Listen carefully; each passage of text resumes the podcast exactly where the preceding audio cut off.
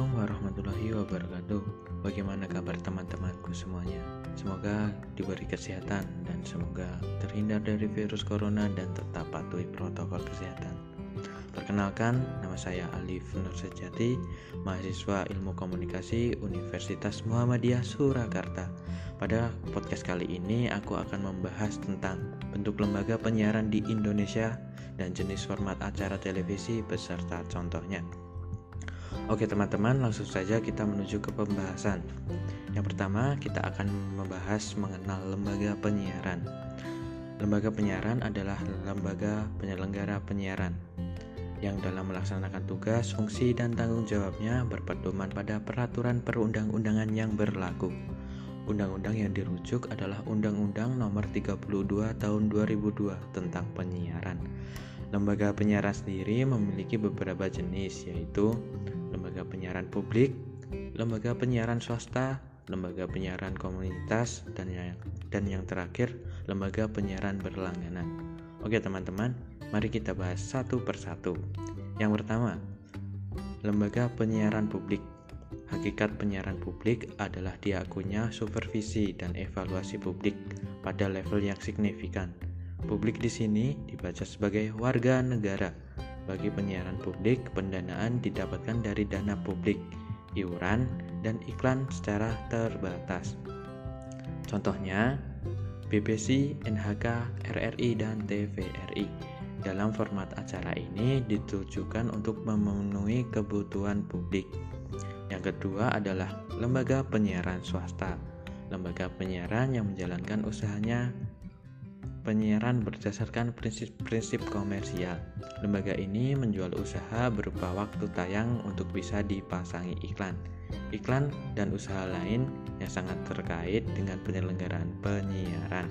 Iklan bisa dalam bentuk slot ataupun blocking time.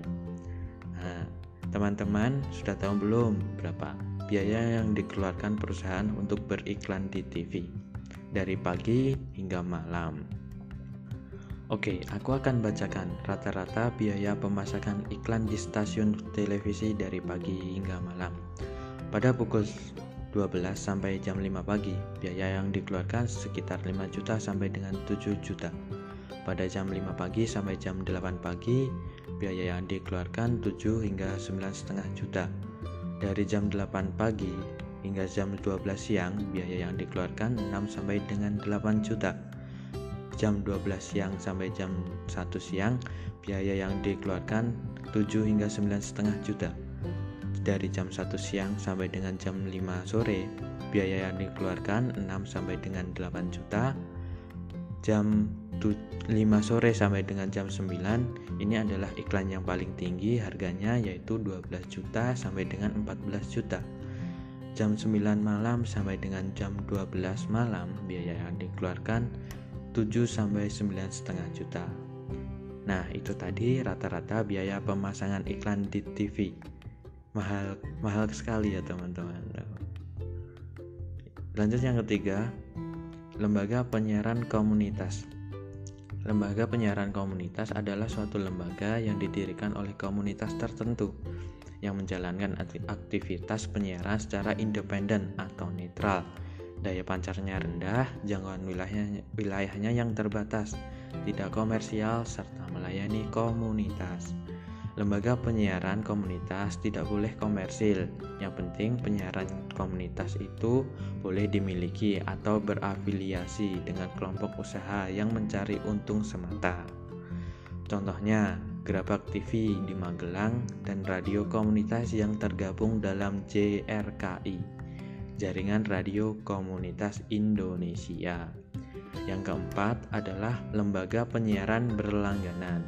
Lembaga penyiaran yang memancarluaskan atau menyalurkan materi siaran secara khusus kepada pelanggan melalui radio, televisi, multimedia, atau informasi yang lainnya. Dalam memancarluaskan siarannya, lembaga penyiaran berlangganan dapat menggunakan satelit kabel melalui terestrial. Contohnya MNC Sky Vision, UCTV, Mola TV, dan yang lain-lain. Oke teman-teman, mari kita menuju pembahasan yang kedua mengenai jenis format program televisi. Teman-teman sering melihat acara di televisi kan? Nah, kita kali ini akan membahas jenis-jenisnya. Ada 10 jenis-jenisnya teman-teman. Oke, kita langsung menuju yang pertama. Yang pertama adalah berita keras atau hard news. Berita keras atau hard news yaitu semua informasi penting dan menarik yang harus segera disajikan oleh media penyiaran karena sifatnya yang harus segera ditayangkan agar dapat diketahui oleh kalayak secepatnya. Yang kedua adalah feature. Feature juga sering disosiasikan sebagai soft news. Feature adalah program berita yang menampilkan berita-berita ringan. Contohnya adalah informasi tentang tempat makan yang enak atau tempat liburan yang menarik.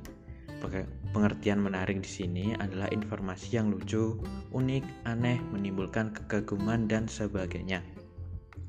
Contohnya program-program wisata kuliner yang istilahnya yang traveling-traveling gitulah. Nah, contohnya dari acara televisi yaitu Demen, Demen Makan, Jejak Si Gundul dan biasanya membuat produk-produk dan juga ada laptop si Unyil.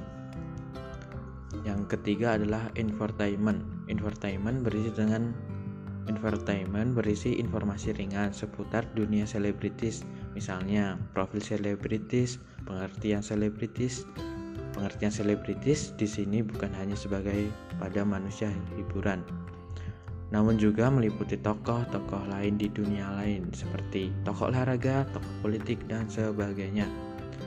Eh, kita ambil contoh yaitu silet, insert, dan selebrita. Yang keenam adalah current affair. Current affair adalah program yang menyajikan informasi terkait dengan suatu berita penting yang muncul sebelumnya namun dibuat secara lengkap dan mendalam. Cukup terikat dengan waktu. Batasannya bahwa selama isu yang dibahas masih memperoleh perhatian kalayak, maka current affair dapat disajikan. Um, Current Affair misalnya program yang menyajikan cerita mengenai kehidupan masyarakat setelah ditimpa bencana alam dahsyat seperti gempa, bumi atau tsunami dan gunung meletus. Yang kelima adalah dokumenter. Dokumenter adalah program informasi yang berisi rekaman yang bertujuan untuk pembelajaran dan pendidikan, namun disajikan secara menarik. Misalnya, menarasikan tentang suatu tempat kehidupan atau sejarah tokoh, kehidupan atau sejarah suatu masyarakat, atau kehidupan hewan di hutan dan sebagainya. Program dokumenter ada kalanya dibuat membuat Program dokumenter ada kalanya dibuat seperti film sehingga sering disebut dengan film dokumenter. NGC dan Discovery merupakan stasiun televisi yang secara khusus menayangkan dokumenter. Bagi teman-teman yang ingin melihat film dokumenter dapat dilihat di NGC dan Discovery. Yang keenam adalah reality show. Program acara televisi yang menampilkan suatu peristiwa langsung apa adanya, natural, dan tanpa skenario. Kita ambil contoh ada uang kaget, bedah rumah, termehek-mehek, dan sebagainya.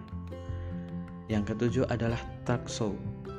Program talk show atau perbincangan adalah program yang menampilkan suatu atau beberapa orang untuk membahas suatu topik tertentu dipandu seorang pembawa acara yang biasa disebut dengan host.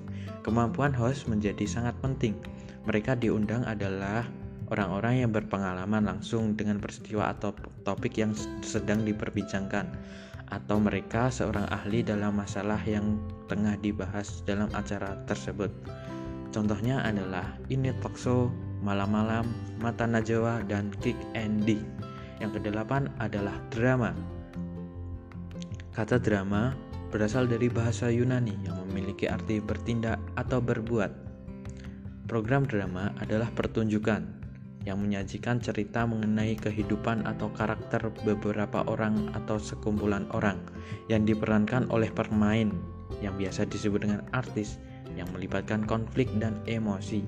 Drama menjadi terbagi menjadi dua, yaitu ada sinetron dan film. Sinetron Di luar negeri, sinetron bisa dikenal dengan sebutan opera, sub opera, dan telenovela. Istilah sinetron hanya dikenal di Indonesia saja teman-teman. Sinetron merupakan drama yang menyajikan cerita dari berbagai tokoh secara bersamaan. Masing-masing tokoh memiliki alur cerita sendiri-sendiri tanpa harus dirangkum menjadi suatu kesimpulan. Akhir sinetron cenderung selalu terbuka dan sering kali tanpa penyelesaian. Cerita yang cenderung dibuat berkepanjangan selama masih ada kalayak yang menyukainya. Nah, sinetron yang paling banyak episodenya yaitu Tukang Bubur Naik Haji dan saat yang saat ini trending adalah Ikatan Cinta dan Catatan Hati Seorang Istri. Kemudian ada film. Film di sini adalah film layar lebar yang dibuat oleh perusahaan-perusahaan film. Karena tujuan pembuatannya adalah untuk layar lebar, maka biasanya film baru ditayangkan di televisi setelah terlebih dahulu ditayangkan di bioskop. Nah, televisi di televisi sebelum di televisi itu berarti film ini ditampilkan di bioskop dahulu. Nah, setelah mendapatkan izin Film tersebut baru diputar di televisi. Televisi kabel berlangganan contohnya seperti ada seperti HBO, Fox dan sebagainya yang khusus hanya menayangkan film.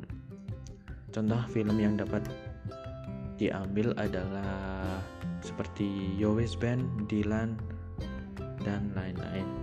Yang kesembilan adalah game show suatu bentuk program yang melibatkan sejumlah orang baik secara individu ataupun kelompok tim yang saling bersaing untuk mendapatkan sesuatu, menjawab pertanyaan atau memenangkan suatu bentuk permainan yang terdiri dari quiz show, permainan ketangkasan dan kadang juga dikemas dengan pendekatan reality show.